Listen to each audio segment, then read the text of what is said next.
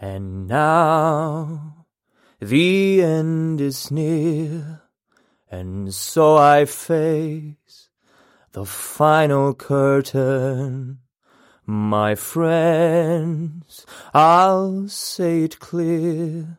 I'll state my case, of which I'm certain. I've lived a life that's full. I traveled each and every highway, and more, much more than this. I did it my way.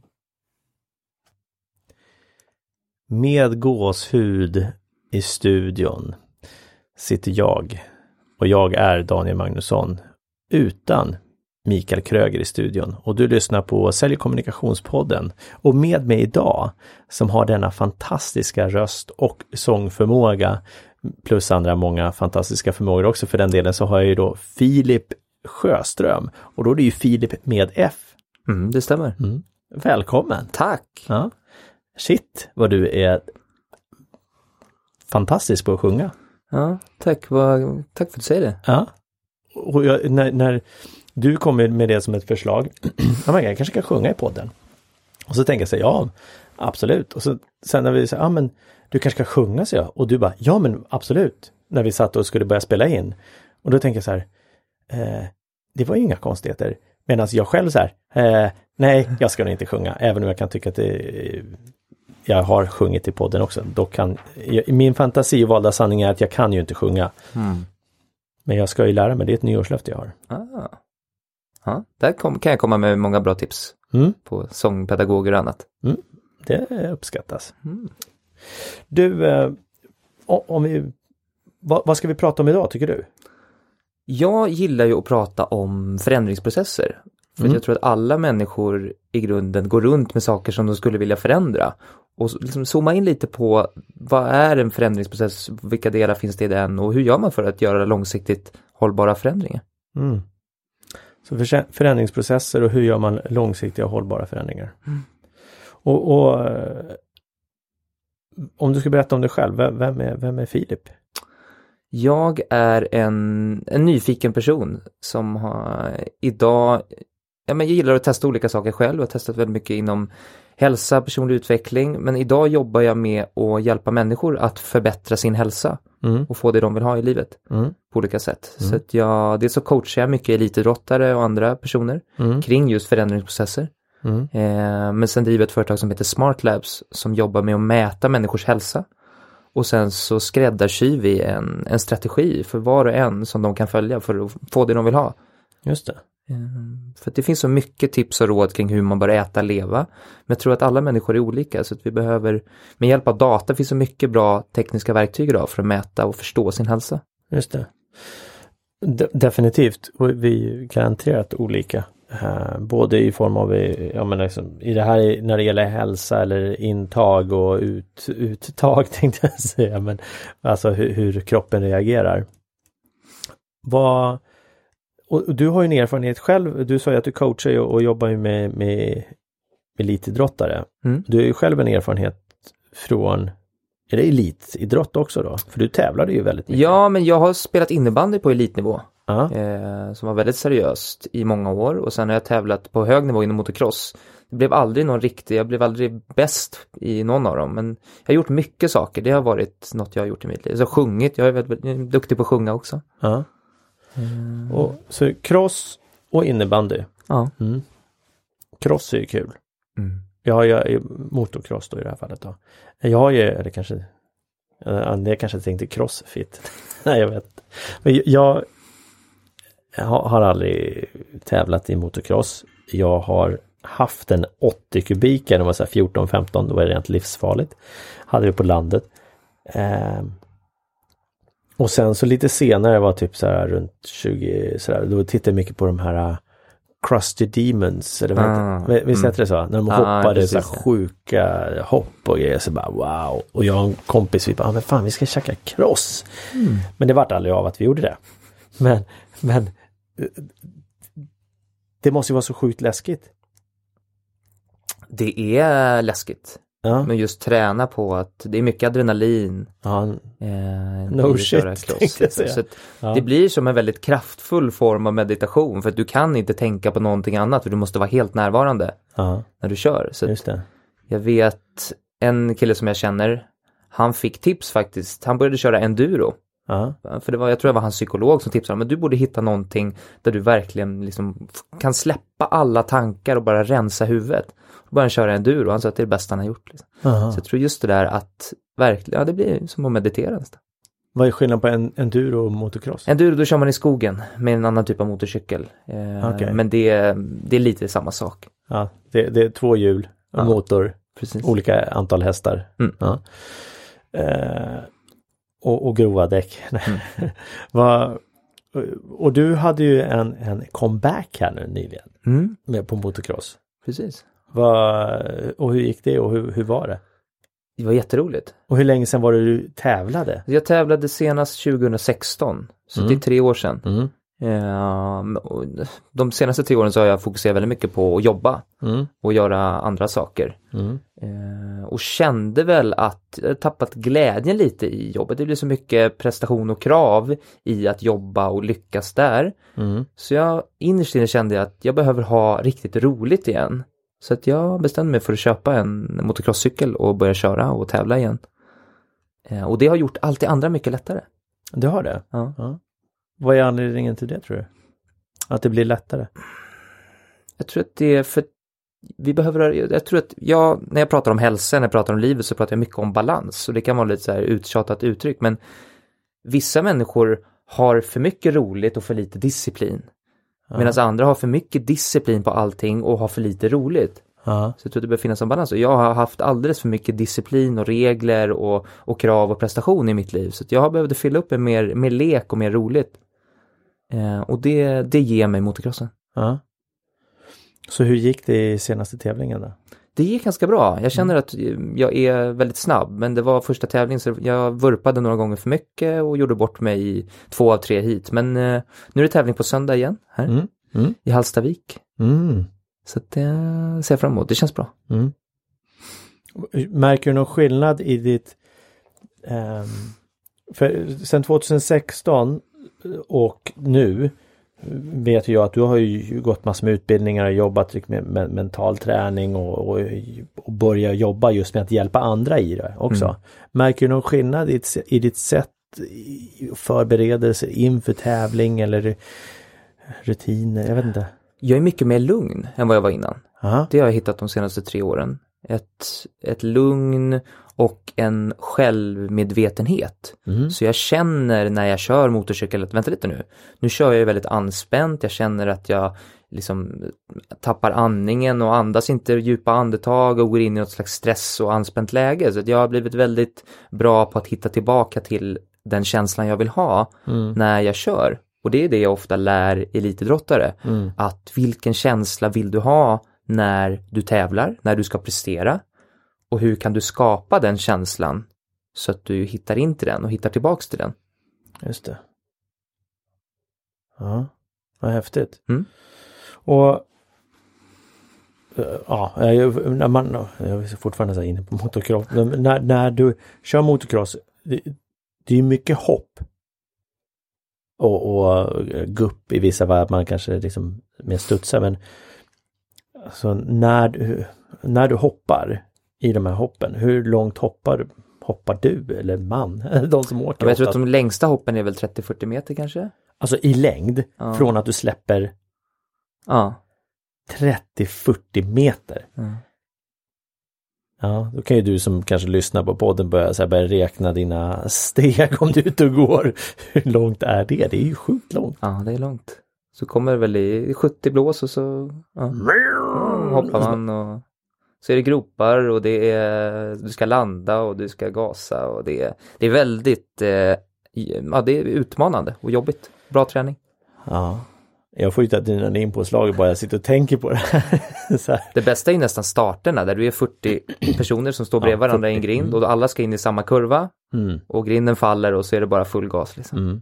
Jag har sett någon sån här video när grinden inte faller ordentligt, Ja, folk fastnar. så bara framstupa. Ja, okej, så 30-40 meter. Så vad, vad, vad tänker, tänker du någonting när du är där uppe i luften? Jag gillar att vara i luften. Där blir det som en, en tomhet. Ja, Eh, för du, det läskiga är ju innan hoppet ibland. Det är väl Mm. då det är som värst, men när du har gjort det, då är det oftast det är en frihetskänsla.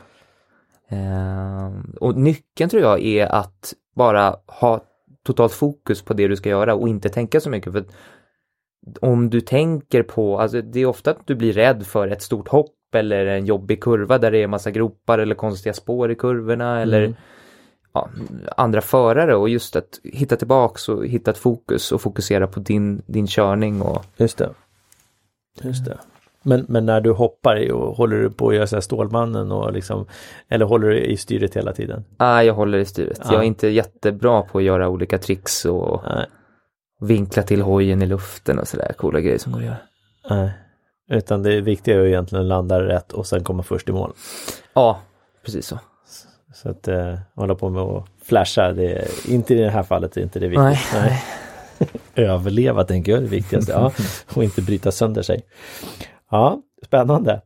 Ehm, och vad var det som fick, alltså du, idag då så jobbar du ju med, att komma in på hälsa och så vidare och förändring har ju på något sätt varit eh, ett intresse under lång tid. Alltså hur kom du in på det? Med det här med att jobba med förändringsprocesser och coachning och hälsa. Ja, det jag märker är att det som ofta är, sätter igång en förändringsprocess, en riktigt stor förändringsprocess hos människor, det är någon form av kris. Mm. Eh, där man är nere i botten och känner jag måste verkligen göra en förändring. Mm.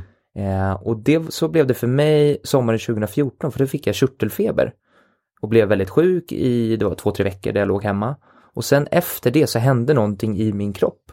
Som läkaren inte, alltså jag fick någon, jag blev trött, jag kunde inte träna på samma sätt som innan. Och jag fick andra konstiga symptom. Och eftersom jag höll på mycket med träning var ju det jag gjorde, jag spelade innebandy och tävlade motocross. Så det var ju min identitet, så jag tappade hela den. För jag kunde inte göra det på samma sätt som innan.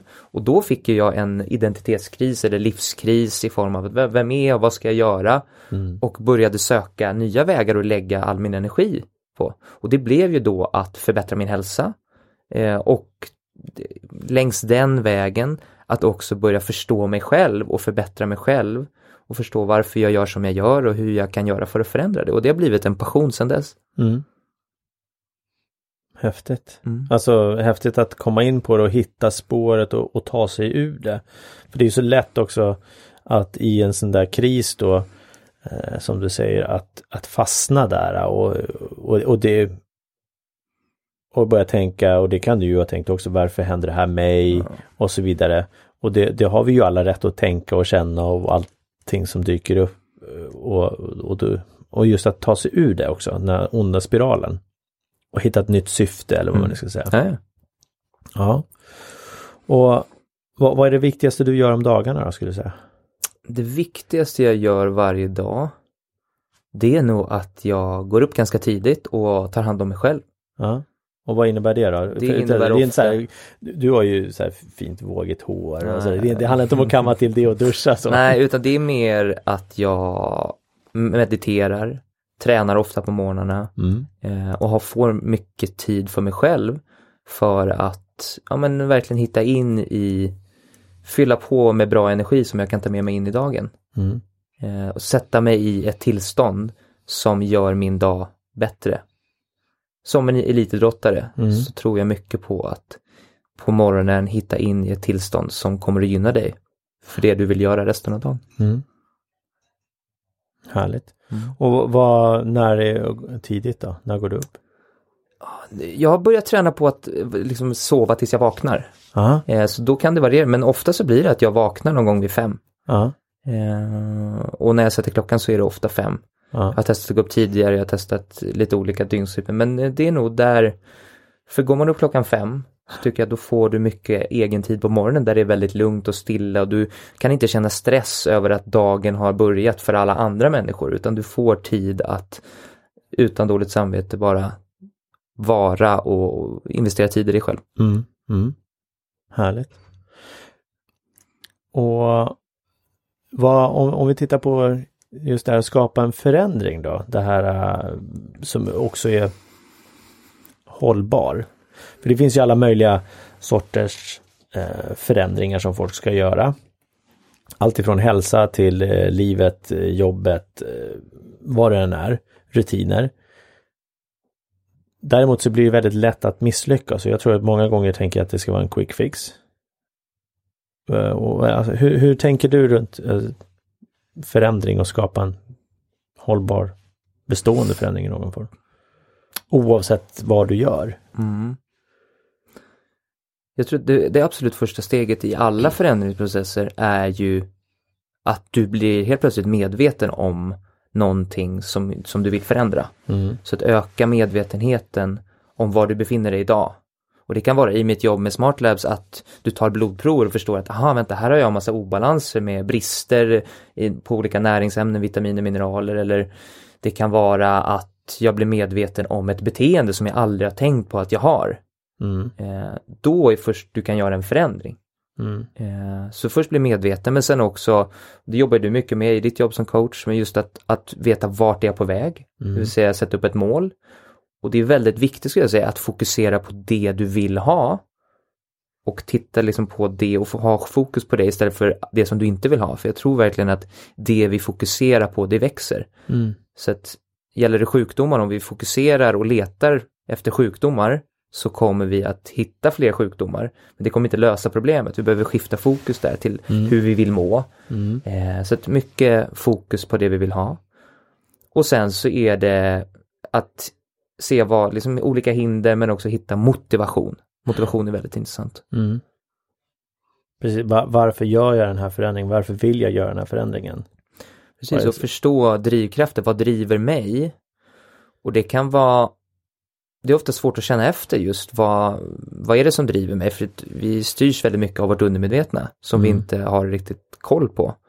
Men just börja förstå, aha, jag drivs av de här sakerna. Mm. För mig i mitt liv så har det varit mycket att jag kommer fram till att jag har drivits väldigt mycket av att få uppmärksamhet, bli sedd och bekräftad och visa att jag duger, eh, Mm. att folk tycker om mig för det jag gör och det har blivit, jag har väldigt, blivit väldigt bra på att prestera och bli duktig inom olika områden.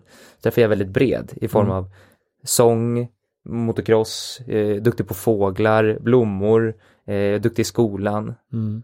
Så det har ju varit en drivkraft och kan du förstå det så är det också lättare att förändra saker. Mm. Mm. Ja, och, och i det eh, tänker jag så här att inte förringa eller kanske fel ord. Jag tänker att inte eh, se det som något dåligt att du är bra på att prestera. Utan nyttja det i det fallet och om man har det som du, som du nämner, att man, man presterar för att bli omtyckt och så vidare. Då är det viktigt att, att okej, okay, acceptera det. Jag, jag gör det för att det är det här jag har ett beteende av att göra och har ett behov av och sen tänka Men varför gör jag det nu då? Är det lika viktigt? Nej, kanske inte, men jag är fortfarande bra på att prestera så jag kan ju fortfarande hitta drivet i det. Men drivet kanske inte alltid behöver vara att jag ska bli omtyckt eller jag ska få bra resultat eller bra feedback. Utan liksom, ja, hur, hur, hur drivs jag framåt? Ja, det är det här jag drivs, okej. Mm. Och varför gör jag det? Nej men så tar vi elitidrotter till exempel så ser jag ett tydligt mönster att i princip Många elitidrottare som jag hjälper har ju problem med prestationsångest, det vill säga Mm. de lyckas inte prestera när det gäller som mest. Mm. Och det är för att det finns en rädsla någonstans. Jag tror att de flesta har gjort kopplingen att om jag är duktig och presterar så kommer folk att tycka om mig och då så tror jag att jag kommer bli älskad av världen. Mm. För det är det som vi innerst inne, vi vill känna gemenskap och känna att vi är omtyckta och, och tillhör någonting där vi känner att vi är en del av någonting. Mm. Men den ekvationen går inte riktigt ihop. Så att där behöver man träna på att, att lösa det grundproblemet, att känna att jag är bra, jag är omtyckt och, och jobba med det. Eh, så, Oavsett vad du presterar. ja, för som ett exempel, många som jag har hjälpt, de har helt plötsligt träffat en, en flickvän och så bara, då har alla problem försvunnit. Hon är med när de ska tävla, jag jobbar med många motocrossförare, så när de är på crosstävlingar så då följer den här flickvännen med Mm. och helt plötsligt så kör de som de kan. De har inte prestationsångest längre. För att de har fyllt det här behovet av kärlek med den här tjejen. De känner sig, liksom, ja, men jag, oavsett om jag misslyckas här så finns det någon som tycker om mig för den jag är. Just det. Och sånt tycker jag är väldigt intressant. Ja, verkligen. Så det, och det är väl det det handlar om att, att kunna koppla bort sakfrågan och personfrågan. Att det resultatet som jag presterar har inte med mig och mitt värde som människa att göra. Nej. Utan det handlar om, om själva prestationen i sig. Men det, det är många som kopplar ihop det fel där. Och det, och det beror ju på, på eh, uppväxt och hur vi liksom beteenden som vi får väldigt tidigt. Eh, som, som skapar det. Tyvärr. Ja, okej. Okay. Så hitta motivation och hitta vart du är och bli medveten om, om dina beteenden eh, och veta vart du ska också, vad målet är. Så vad, vad är det som gör att man misslyckas då? Det, ja, du gör inte det, vi, det du nämnde och det jag precis repeterade såklart, men annars, vad är, det, vad är det mer som kan göra att folk inte lyckas med den förändringen? Jag tror att det finns rädslor. Det finns ofta en rädsla för att lyckas Ja, som är större än, än att vi verkligen vill lyckas. just det. Jag vet vad jag har, men Ja. inte vad jag får. Typ. Ja, Ja. precis. Och sen så tycker jag, ja, men just när det gäller motivation så tror jag att vi har under ofta en, en negativ motivation. Jag vill inte ha det så, Ja, som är väldigt bra på kort sikt. Mm. eh, som får oss att göra förändringar, att liksom skaffa nyårslöften och nej, nu, är, nu är jag less på det här. Nu vill jag göra en förändring för att jag vill inte ha det så här, jag vill inte vara tjock. Eh, men just att förstå att ah, den motivationen kommer räcka bara tills det att jag inte är tjock längre. Mm. Men sen behöver man hitta någonting, en glädje i att ta hand om sin kropp. Att fokusera på det jag vill ha. Eh, en, en god hälsa och Mm. hitta, hitta det som motivation. Mm. Och det tror jag många saknar och därför det blir mycket kortsiktiga förändringar och en, eh, en jojo-kultur i förändringar. Jojo, ja, jojo-bantning. Jojo-bantning, ja, men det är lite det. Ja. Eh, för att vi, har, vi drivs så mycket av den här negativa motivationen men hittar inte den här positiva motivationen. Ja, just det. Jag tänker just när man pratar hälsa och det, då tänker man så här, diet. Uh, Tony Robbins han säger What does that word start with? Die. Diet. Ja, och det är så här, mm, ja det kanske inte är rätt, tänker jag. Eh, ja, okej. Och, och rädslor och, och där är just att, och det kan man ju många tycka så här, men, men är vi rädda för att det, det nya målet, vad, vad är det som, om, om det är bättre än vad jag har idag, varför är jag då rädd för det? Och då tänker jag, då är det, finns det mycket rädslor kopplat till att valda sanningar liksom, ja men om jag lyckas bli det här och eh, når den här positionen så kanske jag inte blir, får tillhöra de andra i gruppen. Vi blir också oftast ifrågasatta från andra när vi är i en förändring. Mm. Kanske få höra så här, ha igen. Ja, ja. Vi får väl se. Hur länge då? Och eh, vad är det som gör att du ska lyckas nu då? Det har du ju aldrig gjort tidigare. det är inte så stöttande direkt. Uh, vad, vad skulle du säga är den största förändringen du har gjort då, senaste tiden? Den senaste tiden, största förändringen. Um, jag skulle nog säga att det är att börja ta hand om mig själv mer och lyssna på mig själv och vad Mm. jag behöver. Mm. De senaste sex månaderna har jag verkligen gjort det Mm. och blivit ännu mer lugn och avslappnad och ja, hittat en bättre harmoni i livet. Mm. Mm. Och, och i det också har jag då öppnat upp för att känna mer saker, känna jag tror att jag har tryckt ner mycket av mina känslor i mitt liv. Jag tror att det är väldigt vanligt att vi har en massa nedtryckta känslor som vi absolut inte vill känna och ta tag i och öppna upp för. Just det. Men det, mm, det gör också att de, de styr oss väldigt mycket. Ja.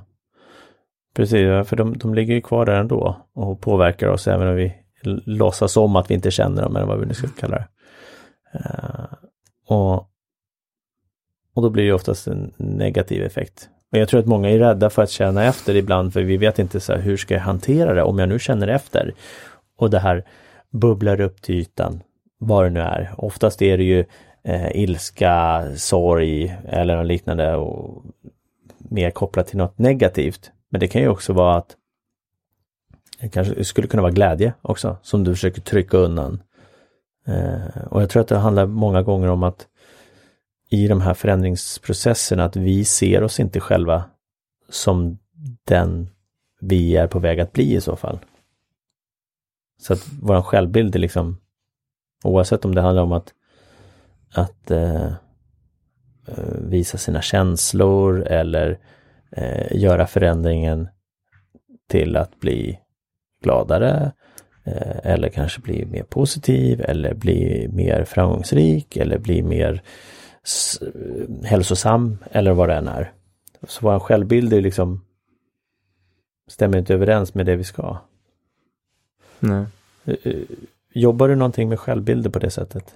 Liksom att hjälpa folk att ändra självbilden? Ja, absolut. Det gör jag. Och eh, ja, men jag skulle nog säga att där är det ju mycket att förstå vem, ja men där är lite, där kommer vi kanske in på med valda sanningar om mig själv, Mm. beliefs som jag har om mig själv, vem jag är, vad jag är värdig, om jag är bra, om jag är dålig, Mm. eh, vad jag är bra på. Så just att kartlägga lite det. Mm. Vad, vad tror jag att jag är bra på? Vad har jag för styrkor som jag är stolt över mig själv? Vad gillar jag med mig själv? Mm. Vad är jag dålig på? Det är för mig en del av självbilden. Mm. Mm. Ja, valda sanningar är ju intressant för det, vi, det är de som styr oss eh, otroligt mycket. Och oftast är ju valda sanningar oftast tyvärr kopplat till någonting negativt i min, i min värld. Likväl som vi pratar om fördomar så är fördomar oftast kopplat till något negativt. Alltså en fördom är negativt, men det behöver inte vara det, men, men oftast är det så. Ofta är det nog så. Men börjar du jobba med det så kan du ju skapa valda sanningar som gynnar dig i livet. Mm. Precis, nya valda sanningar. Ja. Mm. Inom hälsa eller inom, inom träning eller vad det än kan vara. Ja, för, för eh, jag, jag gjorde ju en, en förändring i januari. Eh, I slutet av januari för att, att och slutade, jag kanske nämnde det tidigare, skitsamma. eh, gick från att äta kött till att inte äta kött. Till att bli vegetarian eller pescatarian kanske man säger idag då, eftersom jag äter fisk väldigt, väldigt, väldigt, väldigt lite. Eh, men, men och jag hade ju en bild av att det kommer jag aldrig kunna göra. Jag har haft länge tanken att ja, men det skulle vara, jag tror det skulle vara schysst att, att gå över och börja äta vegetariskt. Men jag såg det som ett så stort steg. Så det var ju så här, oj, hur ska det gå? Men nu så tänkte jag så här, men jag gör det. Jag slutar. Och eh, men, men min valda sanning var ju att det inte skulle gå från början. Jag älskar ju kött. Liksom. Entrecote, biff och grilla, åh vad gott. Och... Men, men eh, nu har liksom förändringen gick väldigt lätt. Mm. Och det handlar ju väldigt mycket om, om mindset. Och det är det jag kommer fram till också, att alltså, ja, men bestämma sig bara. Mm. Och sen, varför vill jag göra det? Mm. Och du har kört det fram tills idag? Ja. Ja. Jag, jag började någon gång i, i mitten av eh, feb, eh, januari.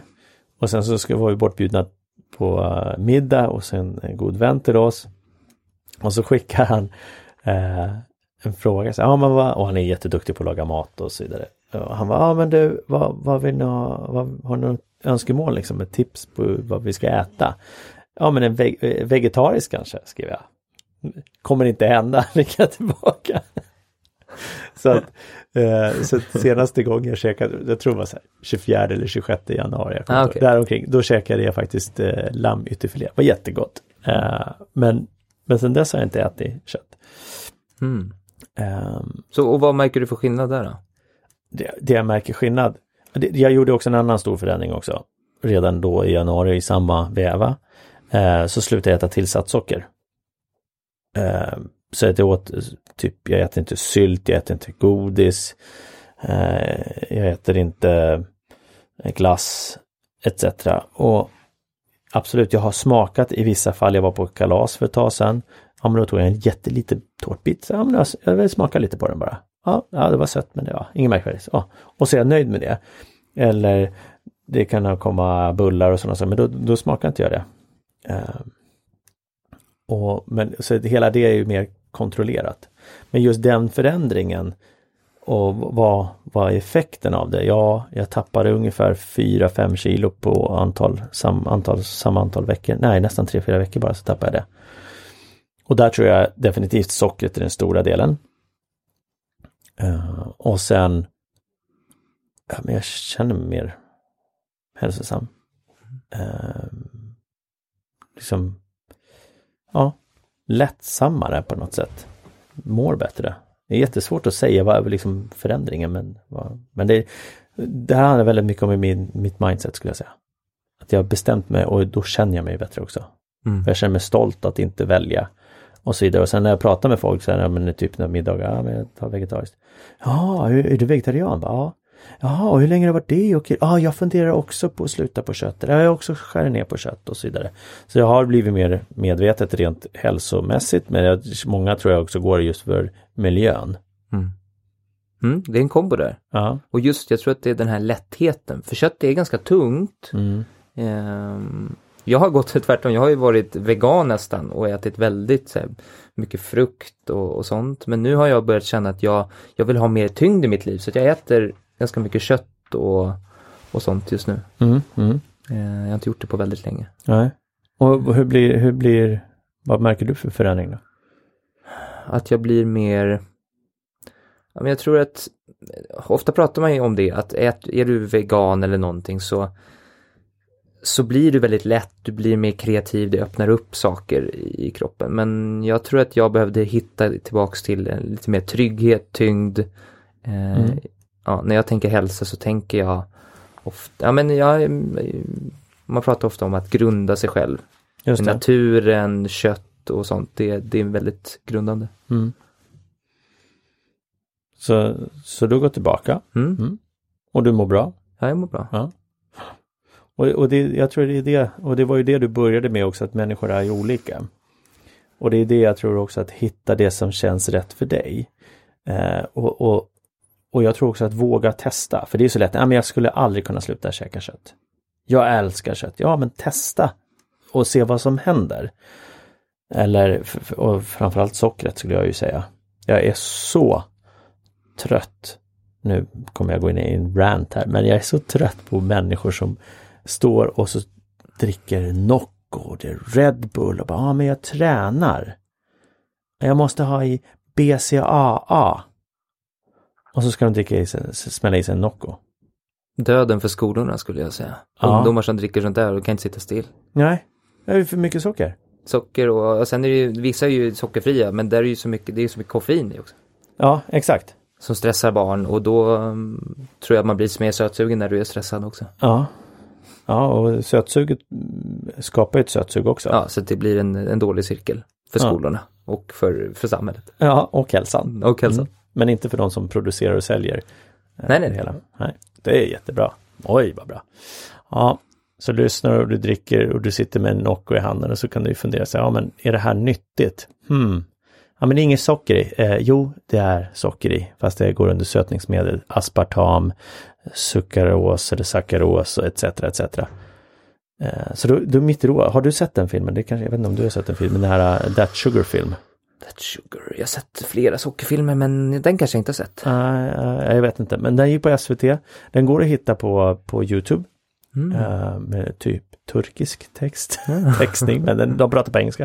Uh, det är en australienare som, som då Ja, men den har jag sett. Ja. han som börjar käka socker, är mm. vegan från början. Eller mm. sådär, ja, går ju upp så sjukt mycket eh, snabbt för att mm. han börjar käka socker. Och då äter han hälsosamma produkter i form av low diet och low fat och så vidare. Precis. Men det är så mycket socker i det.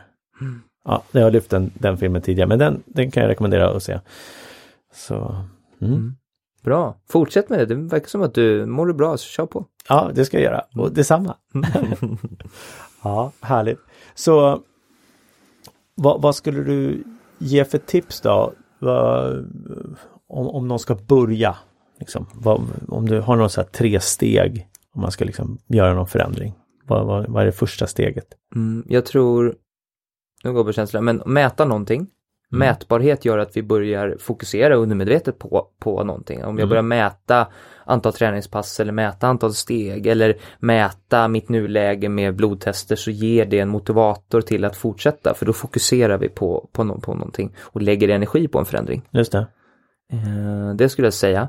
Sen att göra det tillsammans med någon annan Mm. hjälper otroligt mycket. Mm. Eh, Det tror jag är en av de största grejerna och det pratar vi lite om, just att omvärlden ofta eh, motsätter sig våra förändringar som vi vill göra. Det kan vara vänner, familj, andra nära och kära, arbetskamrater som liksom hånar en, ifrågasätter eller bara allmänt är emot och inte alls vill. Nej. Eh, Så att göra det tillsammans med någon. Mm. För det blir mycket lättare då när vi, för vår energinivå är ju, förändring tar energi. Mm. Så att ibland så har vi väldigt lite energi och då är det väldigt lätt att, att trilla tillbaka och inte orka göra det. Men är man flera Mm. så det är de två bästa tipsen jag har. Mm. Ehm, Och det tredje då? mm. Vad skulle det kunna vara då? Om man ska se de bästa tipsen. Jag tror att det behöver, för att det ska funka, det måste vara roligt också. Ja. Att det är det här med positiv motivation. Att det ska finnas någonting. Ofta så är det bara, nej men jag, jag ska göra det här för att Mm. jag är så less på det här eller jag vill bort från någonting. Men Mm. just att, att hitta någonting som är njutbart och roligt i det. Mm. Eh, och du har ju börjat uppleva det nu. I Mm. början kanske du inte alls kände det, men nu har du hittat det med din förändring. Mm. Med att du mår bättre, Mm. du har gått ner i vikt och allt sånt. Och det kan ju ta tid att komma dit, men att om inte det finns med och du kan känna det och uppskatta det och fira det och hitta en glädje i det, Mm. där du får belöningar för det, så kommer det inte funka Nej. i längden. Nej. Så gör det roligt. Och, och ett tips som jag tänker är också att, att titta på att göra en förändring som är, som vi pratar om, hållbar och långsiktig. Och det, och, och det där hjälper ju till. Och tittar man då, många vill ju ha ett snabbt resultat. Och så tänker de så här, ja ah, men nu ska jag börja mitt nya liv. Och vi tar hälsa som en sak då. Jag ska börja träna. Ja, och så börjar de träna och så är det liksom de, de lyckas klämma in fyra, fem pass i veckan.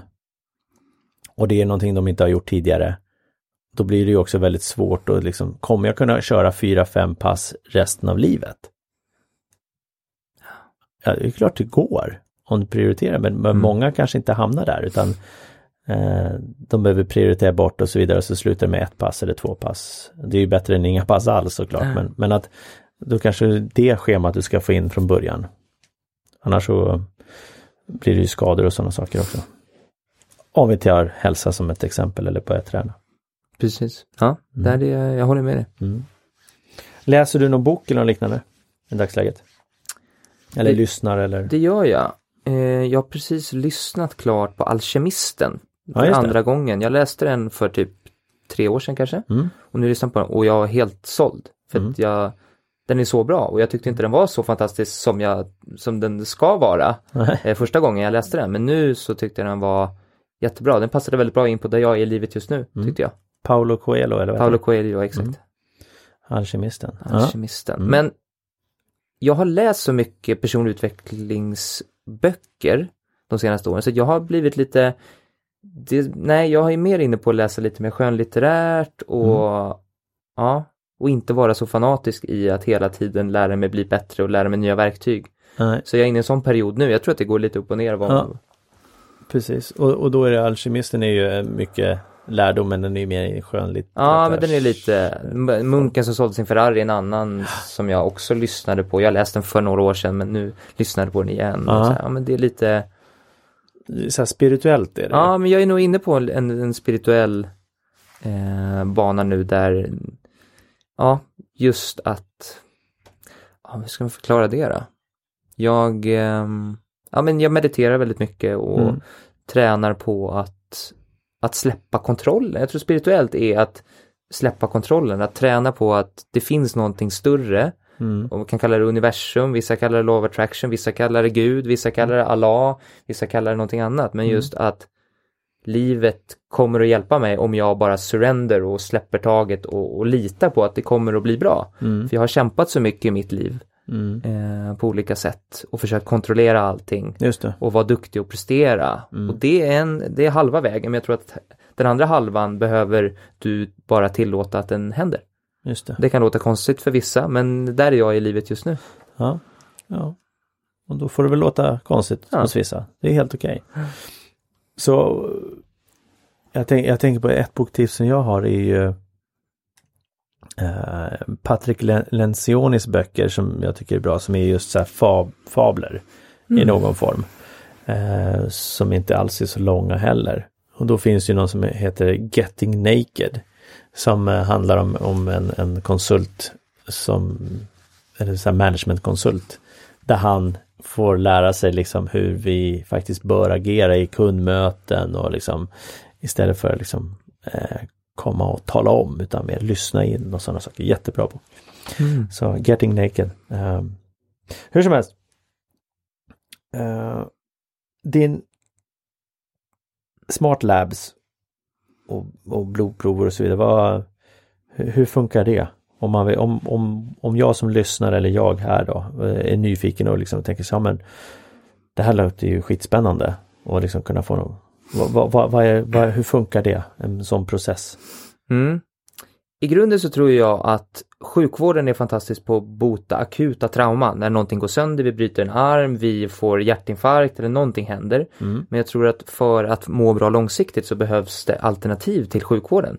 För det är mycket symptombehandling med läkemedel. Så det är därför jag har fått en väldigt rik att hur kan vi jobba med hälsa långsiktigt? Mm. Eh, så det egentligen SmartLabs gör om man vill få hjälp och förbättra sin hälsa så samlar vi in hälsodata. Vi hjälper en, människa att ta, en person att ta blodprover. Mm. Så det är ett blodprov, eh, man svarar på frågor i, som screenar ens livsstil.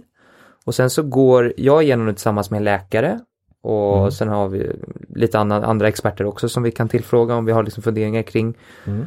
saker. Och sen så sätter vi ihop en, en strategi. Vi går igenom datan och ser så här, vad, vad har du för obalanser, vad är bra, vad är dåligt, vad behöver förbättras, Mm. var befinner du dig idag? Och sen så hjälper vi människor att hitta en strategi som passar för dem och så hjälper vi dem att följa den. Så det är Just lite det. coaching i det också, livsstilsförändring. Ja. Eh, men det kan vara då hur du ska äta, kostrekommendationer, vad du ska äta mindre av utifrån Mm. hur du äter idag och Mm. vad du ska addera för någonting. Just det. Eh, och sen lite kring livsstil. Var befinner du dig idag men vad skulle kunna vara nästa steg för att förändra den här livsstilen då? Eh, sen också behöver du ta några kosttillskott för att hjälpa den här förändringen. Mm. För du har olika näringsbrister och sådär. Mm. Just det. Och det tycker jag är precis så man bör jobba Mm. med hälsa. Mm.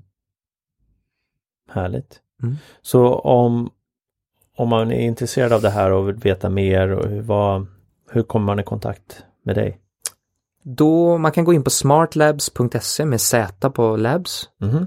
Smartlabs Eh, smartlabs.se. Mm. Så där är det är den verksamheten. Men vill man komma i kontakt med mig lite så kan man gå in på min eh, coaching hemsida eller mental träning hemsida som heter filipmedf.se som är mitt varumärke. Filip med S. F, förlåt, med S nu va? Filip med F. Som i. Fredrik eller Filip. Ja. Ja. Och där har jag, jag har en mejladress också som är filip at filipmedf.se. Ja. ja, bra. Och sen har du Instagram också. Ja, Instagram har jag. Ja. Vad är det då? Då är det filip med understreck f. Bra. Och där kan man ju följa dig och du lägger upp mycket videos både i i form av eh, man får se liksom lite träningar och lite olika tester Ja, som du gör exakt. själv och sådana Träning, saker. tester, Badar i kalla bad. Ja, och bada i kalla bad, lite biohacking, olika saker jag testar, Mm. olika saker jag har lärt mig som jag vill dela med mig av. Mm. Visdomsord, det kan vara något fint citat, det kan vara när jag kör motocross, det kan vara sång lägger jag ut en del också. Mm. Jag tycker det är ett härligt sätt att sprida energi och kärlek och Mm. Och, och även LinkedIn skulle jag rekommendera folk att följa dig. Eh, och knyta kontakt med dig där. För där du delar ju väldigt bra eh, inlägg med just det här med förändring och videoklipp och sånt om sånt. Mm. Eller om sånt och sånt. Om just förändring bland annat. Ja, fantastiskt. Och apropå sång. Mm. Vad sägs om att avsluta med en sång? Ja men det kan vi väl göra. Det tycker jag. Vad ska jag sjunga då då? Ja men jag kan ta en, eh, en låt som jag ska sjunga på en, ett dop imorgon faktiskt. Mm. Eh, Det är lite så här generalrep. Ja, det skulle man kunna säga. Ja. Ja. Och en fråga då innan. Den här låten, vad betyder den för dig? Ja men det handlar mycket om, alltså för mig så är metaforen resa. Mm. Eh, den första där med My Way med Frank Sinatra är ju just att gå sin egen väg. Mm. Och det är så jag mycket ser på livet, att hitta sin egen väg Mm. och gå den. Och alla har en egen väg att gå, Mm. ett eget syfte, en egen resa. Liksom. Mm. Så den metaforen gillar jag att använda. Och det här är också lite på det temat. Mm. Så det- härligt. Ja. Ja, men då, då tänker jag att eh, då säger vi tack och eh, varsågod Filip. Du ska lära på din färd att vår gåtfulla värld är mycket stor. Den är svår att helt förstå, inget brukar någonsin gå så som vi tror. Men vi följer din väg, ger dig stöd för varje steg. När allting känns hopplöst min vän Vi är stolta och ser hur du lär dig mer och mer vi är mer än du ser, vi är en.